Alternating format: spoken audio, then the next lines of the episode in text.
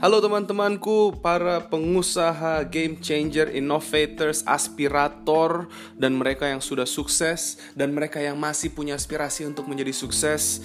My fellow Thessarians, para member dari The Entrepreneur Society, kembali lagi bersama saya, Clemens Raharja, founder dari The Entrepreneur Society, dan saya akan memberikan ilmu, pengetahuan, motivasi, inspirasi di podcast-podcast yang sedang Anda dengarkan.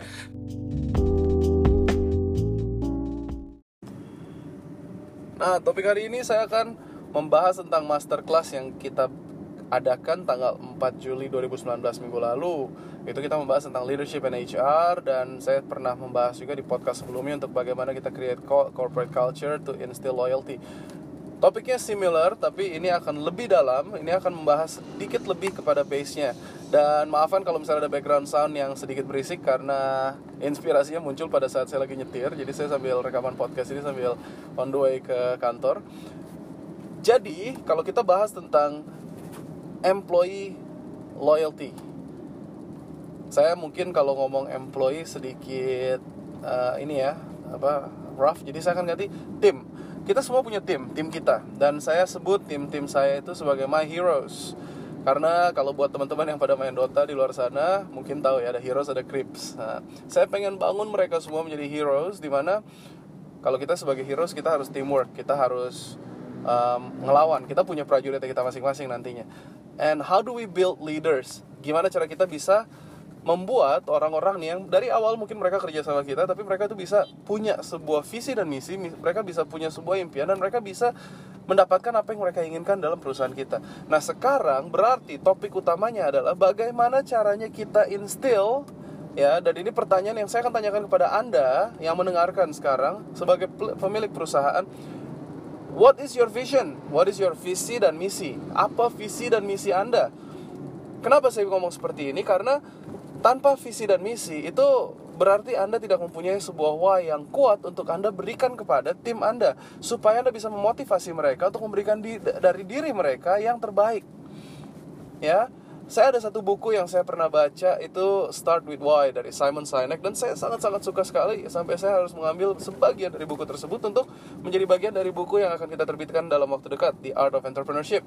Dan ini adalah sebuah topik yang penting teman-teman ya. Sebagai pengusaha kalian mesti tahu mau dibawa ke mana sih perusahaannya? Mau dibawa ke mana bisnis anda? Mau dibawa ke mana? Pertanyaannya saya pernah ceritakan dengan panjang dari 6 kelas kewirausahaan di salah satu podcast saya.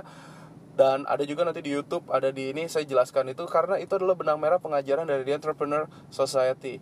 Supaya tujuannya adalah bagaimana teman-teman bisa naik kelas. Naik kelas itu saya ngomong kelas yang terakhir nih kelas 6 nya itu adalah exit exit itu apa? Exit strategy ya. Sebagai perusahaan, ultimate goalnya tuh bisa seperti apa sih? Kebanyakan orang di Indonesia memulai bisnis itu hanya sebagai pedagang. Pedagang itu buy low, sell high. Beli murah, jual lebih mahal, ngambil margin, kita gedein segala macam bla bla bla. Ya benar, benar, itu nggak salah. Saya nggak menyalahkan. Tapi setelah itu mau dibawa ke mana bisnisnya? Mau dibawa ke mana bisnisnya? Mau dibawa ke mana bisnis Anda? Saya tanya sampai tiga kali. Kenapa? Karena ini adalah pertanyaan yang sangat-sangat penting. Dan saya pengen ini menjadi rema di dalam diri teman-teman. Rema di dalam diri teman-teman. Kelas 6, saya kasih contohnya, itu ada mungkin IPO, bisa jadi franchise, tahu IPO ya IPO itu kalau di saat kita bisa menjual uh, saham dari perusahaan kita di pasar terbuka jadi mereka bisa diperjualbelikan di bursa saham itu ultimate goalnya. Untuk bisa sampai ke tahapan seperti itu kita harus ng ngalamin banyak hal. Makanya kenapa saya sebut dari kelas 4 kelas 5 kelas 5 itu fokusnya adalah nanti di perapihan kalian uh, punya financial report dan plan prospek ke depan perusahaannya seperti apa. Selain dari IPO ada lagi yang disebut sebagai franchise. Kalau misalkan anda berada di nggak cuma di perusahaan makanan sekarang yang bisa di franchise kan ada salah satu teman kita member dari Entrepreneur Society chapter Surabaya dia memfranchise kan pabrik. Lucu nggak tuh? Ya? Jadi apa pun bisa. Lalu kita bisa ngomong juga um, selain itu ada juga jasa-jasa ya kayak bimbel dan sebagainya itu kan banyak yang di franchise merger dan akuisisi mungkin aja kalau misalnya kalian udah punya cabang nih kalian menguasai Jakarta atau menguasai satu daerah gitu ya untuk mungkin satu restoran. Bisa jadi mungkin diakuisisi dengan grup-grup makanan besar seperti Ismaya, Boga, Sari Rasa dan sebagainya.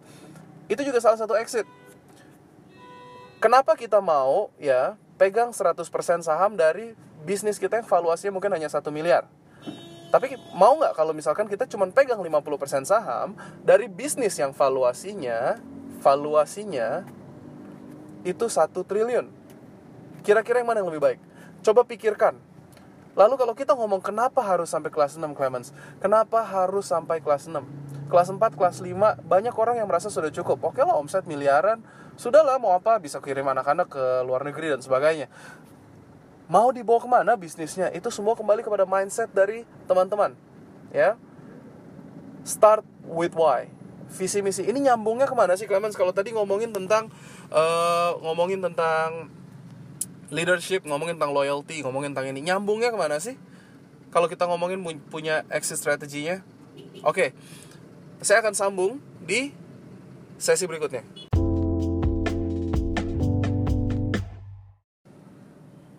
Nah, tadi sebelumnya, di sesi sebelumnya saya membahas tentang why dan kenapa Anda harus punya visi misi yang jelas dalam perusahaan Anda, ini akan nanti yang Anda sampaikan kepada pegawai-pegawai Anda, kepada tim Anda. Dan kenapa kita mesti punya view yang jelas tadi mau dibawa ke mana bisnis kita, mau dibawa ke mana perusahaan kita, itu supaya kita bisa menciptakan peluang bagi tim kita untuk naik, untuk berkembang menjadi leaders kalau mereka mau dan di sini memberikan peluang. Buat apa kita stay dalam satu perusahaan kalau misalkan kita melihat tidak ada masa depannya? Masa depan itu dilihat dari mana? Masa depan itu dilihat dari career progression. Kalau kita ngomong tadi, oke okay, bisnis saya saya mau sampai kelas 6, saya mau IPO, saya mau buka cabang, saya mau franchise, saya mau ditembak dana oleh venture capital dan sebagainya. Berarti mereka akan punya peluang bahkan untuk mengikuti membangun perusahaan ini bersama-sama dengan Anda ke kelas 6.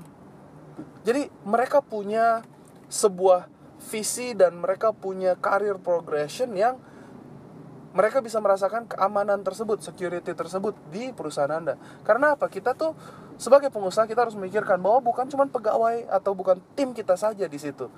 Tapi ada keluarganya juga mereka, keluarga keluarganya di belakang mereka. Kita harus mendukung.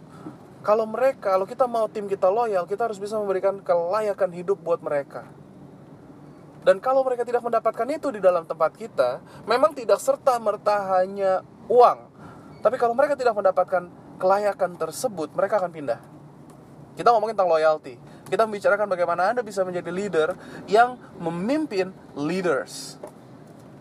Visi dan misi Anda itu sangat-sangat penting. Mau dibawa ke mana?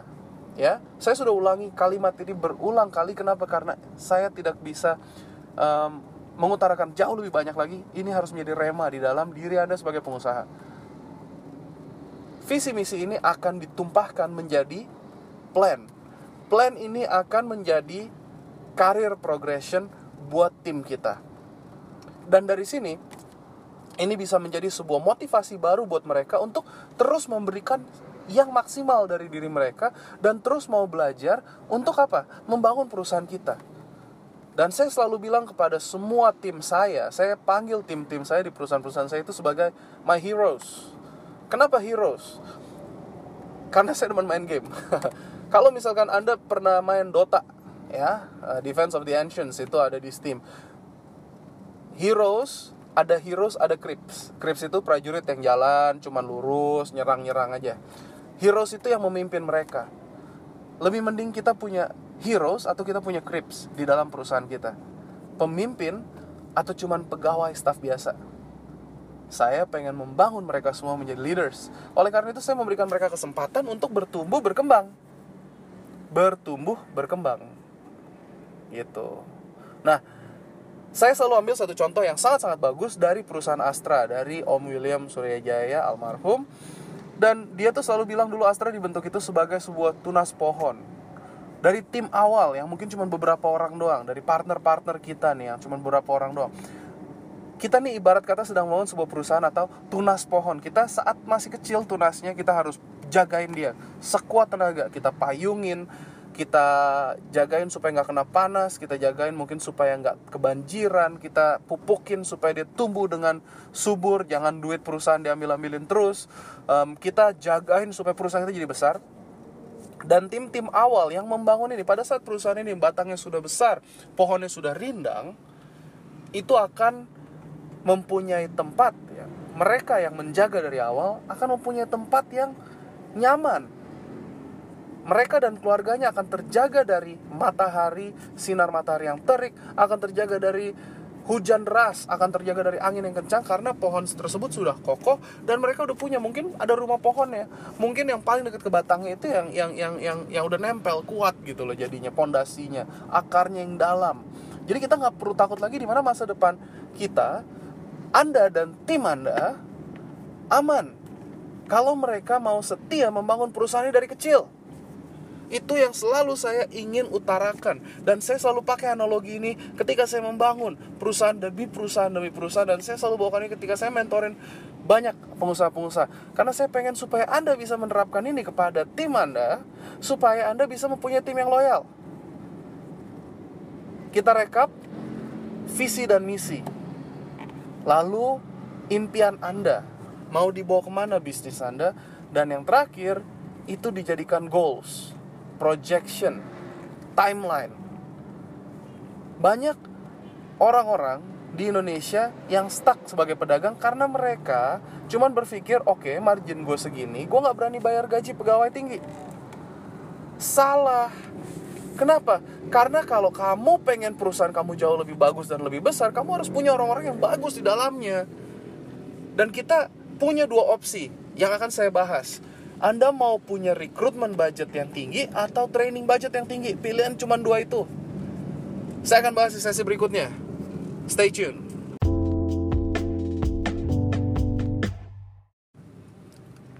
Kalau kita udah rekap ya teman-teman dari tadi sesi-sesi sebelumnya, kita ngomong tentang leadership dan why your vision defines their future. Nah sekarang, sekarang anda sebagai pengusaha punya dua pilihan. Anda mau rekrutmen budget Anda yang tinggi atau training budget Anda yang tinggi. Karena kita untuk bisa capai ke kelas 5 dan kelas 6, kita perlu tim yang hebat tim yang hebat. Tim yang hebat ini seperti apa? Anda bisa punya pilihan, Anda mau rekrut orang yang udah jago di luaran dengan gaji 50, 100, 150 juta per bulan sebagai CEO dan sebagai head of division, silahkan kalau memang budgetnya sudah mencapai ke sana. Tapi ada juga principalities yang saya suka kalau misalkan kita bisa train orang-orang, kita bisa latih mereka, kita bisa berikan mereka training dan berikan mereka pelatihan dari nol.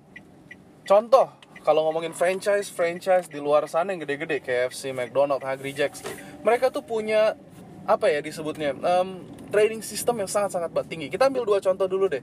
Kalau mau rekrutmen budgetnya tinggi itu seperti Google pegawai itu udah dimanja semaksimal mungkin gajinya tinggi dikasih tempat tidur dikasih free laundry tempat makan dan sebagainya fasilitasnya gila-gilaan. Dan pada saat rekrutmen mereka mereka tuh open rekrutmen untuk ratusan ribu bahkan sampai jutaan orang seluruh dunia untuk masuk ke Google. Dan mungkin yang keterima cuman paling 10 digits. Nggak 10 digit sorry. Paling cuman satu sampai mungkin dua digit lah setiap tahunnya Berarti mereka tuh memilih orang-orang yang terbaik dari yang terbaik untuk masuk ke dalam perusahaan tersebut. Mereka punya budget yang sangat besar, yes. Tapi kalau kita ngomongin early stage entrepreneurs atau bahkan pengusaha di kelas 4, kelas 5 pun mungkin masih belum bisa afford. Belum bisa punya dana yang cukup untuk hire orang-orang seperti ini. Mau gaji berapa? Ratusan juta? Kalau memang sudah punya budget di kelas 5 biasanya udah ada ya nggak apa-apa tapi itu kembali lagi ke perusahaan dan bisnis Anda. Kalau yang kedua, training budgetnya yang tinggi. KFC, McDonald's, Hungry Jacks, mereka tuh hire orang-orang dari umur 15 tahun. 15 tahun mereka berikan kesempatan buat anak-anak ini pertama untuk belajar, untuk bekerja. Ya mungkin berbeda di setiap negara ya. Tapi kalau dari negara-negara orang uh, di barat sana, di Eropa, Amerika, Australia, anak-anak kerja dari umur 15 tahun. Di Indonesia dimanjain. 15 tahun mereka udah mulai kerja di KFC mereka nggak butuh duit mereka masih tinggal sama orang tuanya dan mereka juga nggak ngerti kenapa mereka harus kerja. Itu hanya untuk mencari pengalaman hidup. Dan bagaimana cara kita bisa menciptakan tim yang solid dari anak-anak umur 15 tahun? Itu adalah training system. Saya akan bahas secara detail tapi bukan di podcast yang ini di podcast ke depannya kita akan bahas secara detail bagaimana cara kita training tim secara solid tapi itu nanti kita akan bahas nah kalau kita ngomongin lagi bagaimana caranya mereka 15 tahun, 16 tahun dan mereka train train latih latih sampai akhirnya bisa jadi shift supervisor, bisa jadi asisten general manager, asisten restoran manager, sampai jadi restoran manager, sampai nanti akhirnya mereka bisa naik ke area training manager, area manager. Karena apa? Mereka punya career progression yang sangat-sangat tinggi dan perusahaan mereka sudah multinasional dan mereka bisa memberikan peluang bagi bagi anak-anak ini untuk berkarir. Kalau misalkan kita pengen bangun tim yang solid, lebih baik mana? Yang kita bangun dari awal atau yang kita hire sebagai pemimpin ke depannya? Kalau saya disuruh pilih, saya lebih suka bisa memberdayakan justru mereka yang mau dilatih dari nol. Karena mereka sudah kena culture dari saya sebagai pengusahanya sendiri kira-kira loyalitasnya seperti apa? Kalau kita berikan kesempatan buat orang-orang yang justru di luar sana, ini ada satu lagi sambil contoh, um, PT Pendekar Bodoh. Itu salah satu dari The Cost Group. Nama Pendekar Bodoh itu, dia tuh sengaja mau dapetin pegawai untuk jadi pelayan di restorannya yang paling yang paling rendah posisinya itu itu dibuka untuk orang-orang yang justru semakin lama dia nganggur semakin cepat dia diterima. Kenapa? Karena orang-orang yang lama nganggur itu biasanya orang-orang yang desperate untuk pekerjaan dan mereka mau belajar dan mereka mau memberikan maksimal karena mereka tahu nggak ada orang lain di luar sana yang pengen terima mereka. Training budgetnya tinggi, rekrutmen budgetnya rendah. Trainingnya itu bisa bulanan.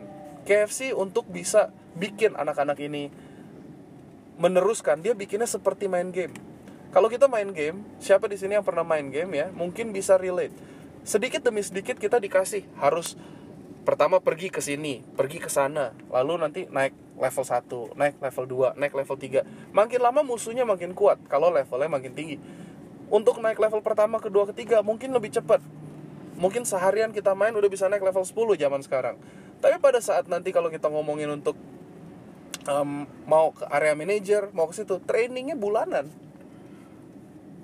dan kalau ngomongin masalah gaji, aduh kalau kayak gini nih ya, kita ngomong di KFC itu ada tiga divisi. Yang depan kasir, yang belakang itu untuk bikin burger, sama yang di dapur. Itu ada tiga divisi. Semua orang yang baru mulai kerja di KFC pasti masuk ke salah satu dari tiga bagian tersebut.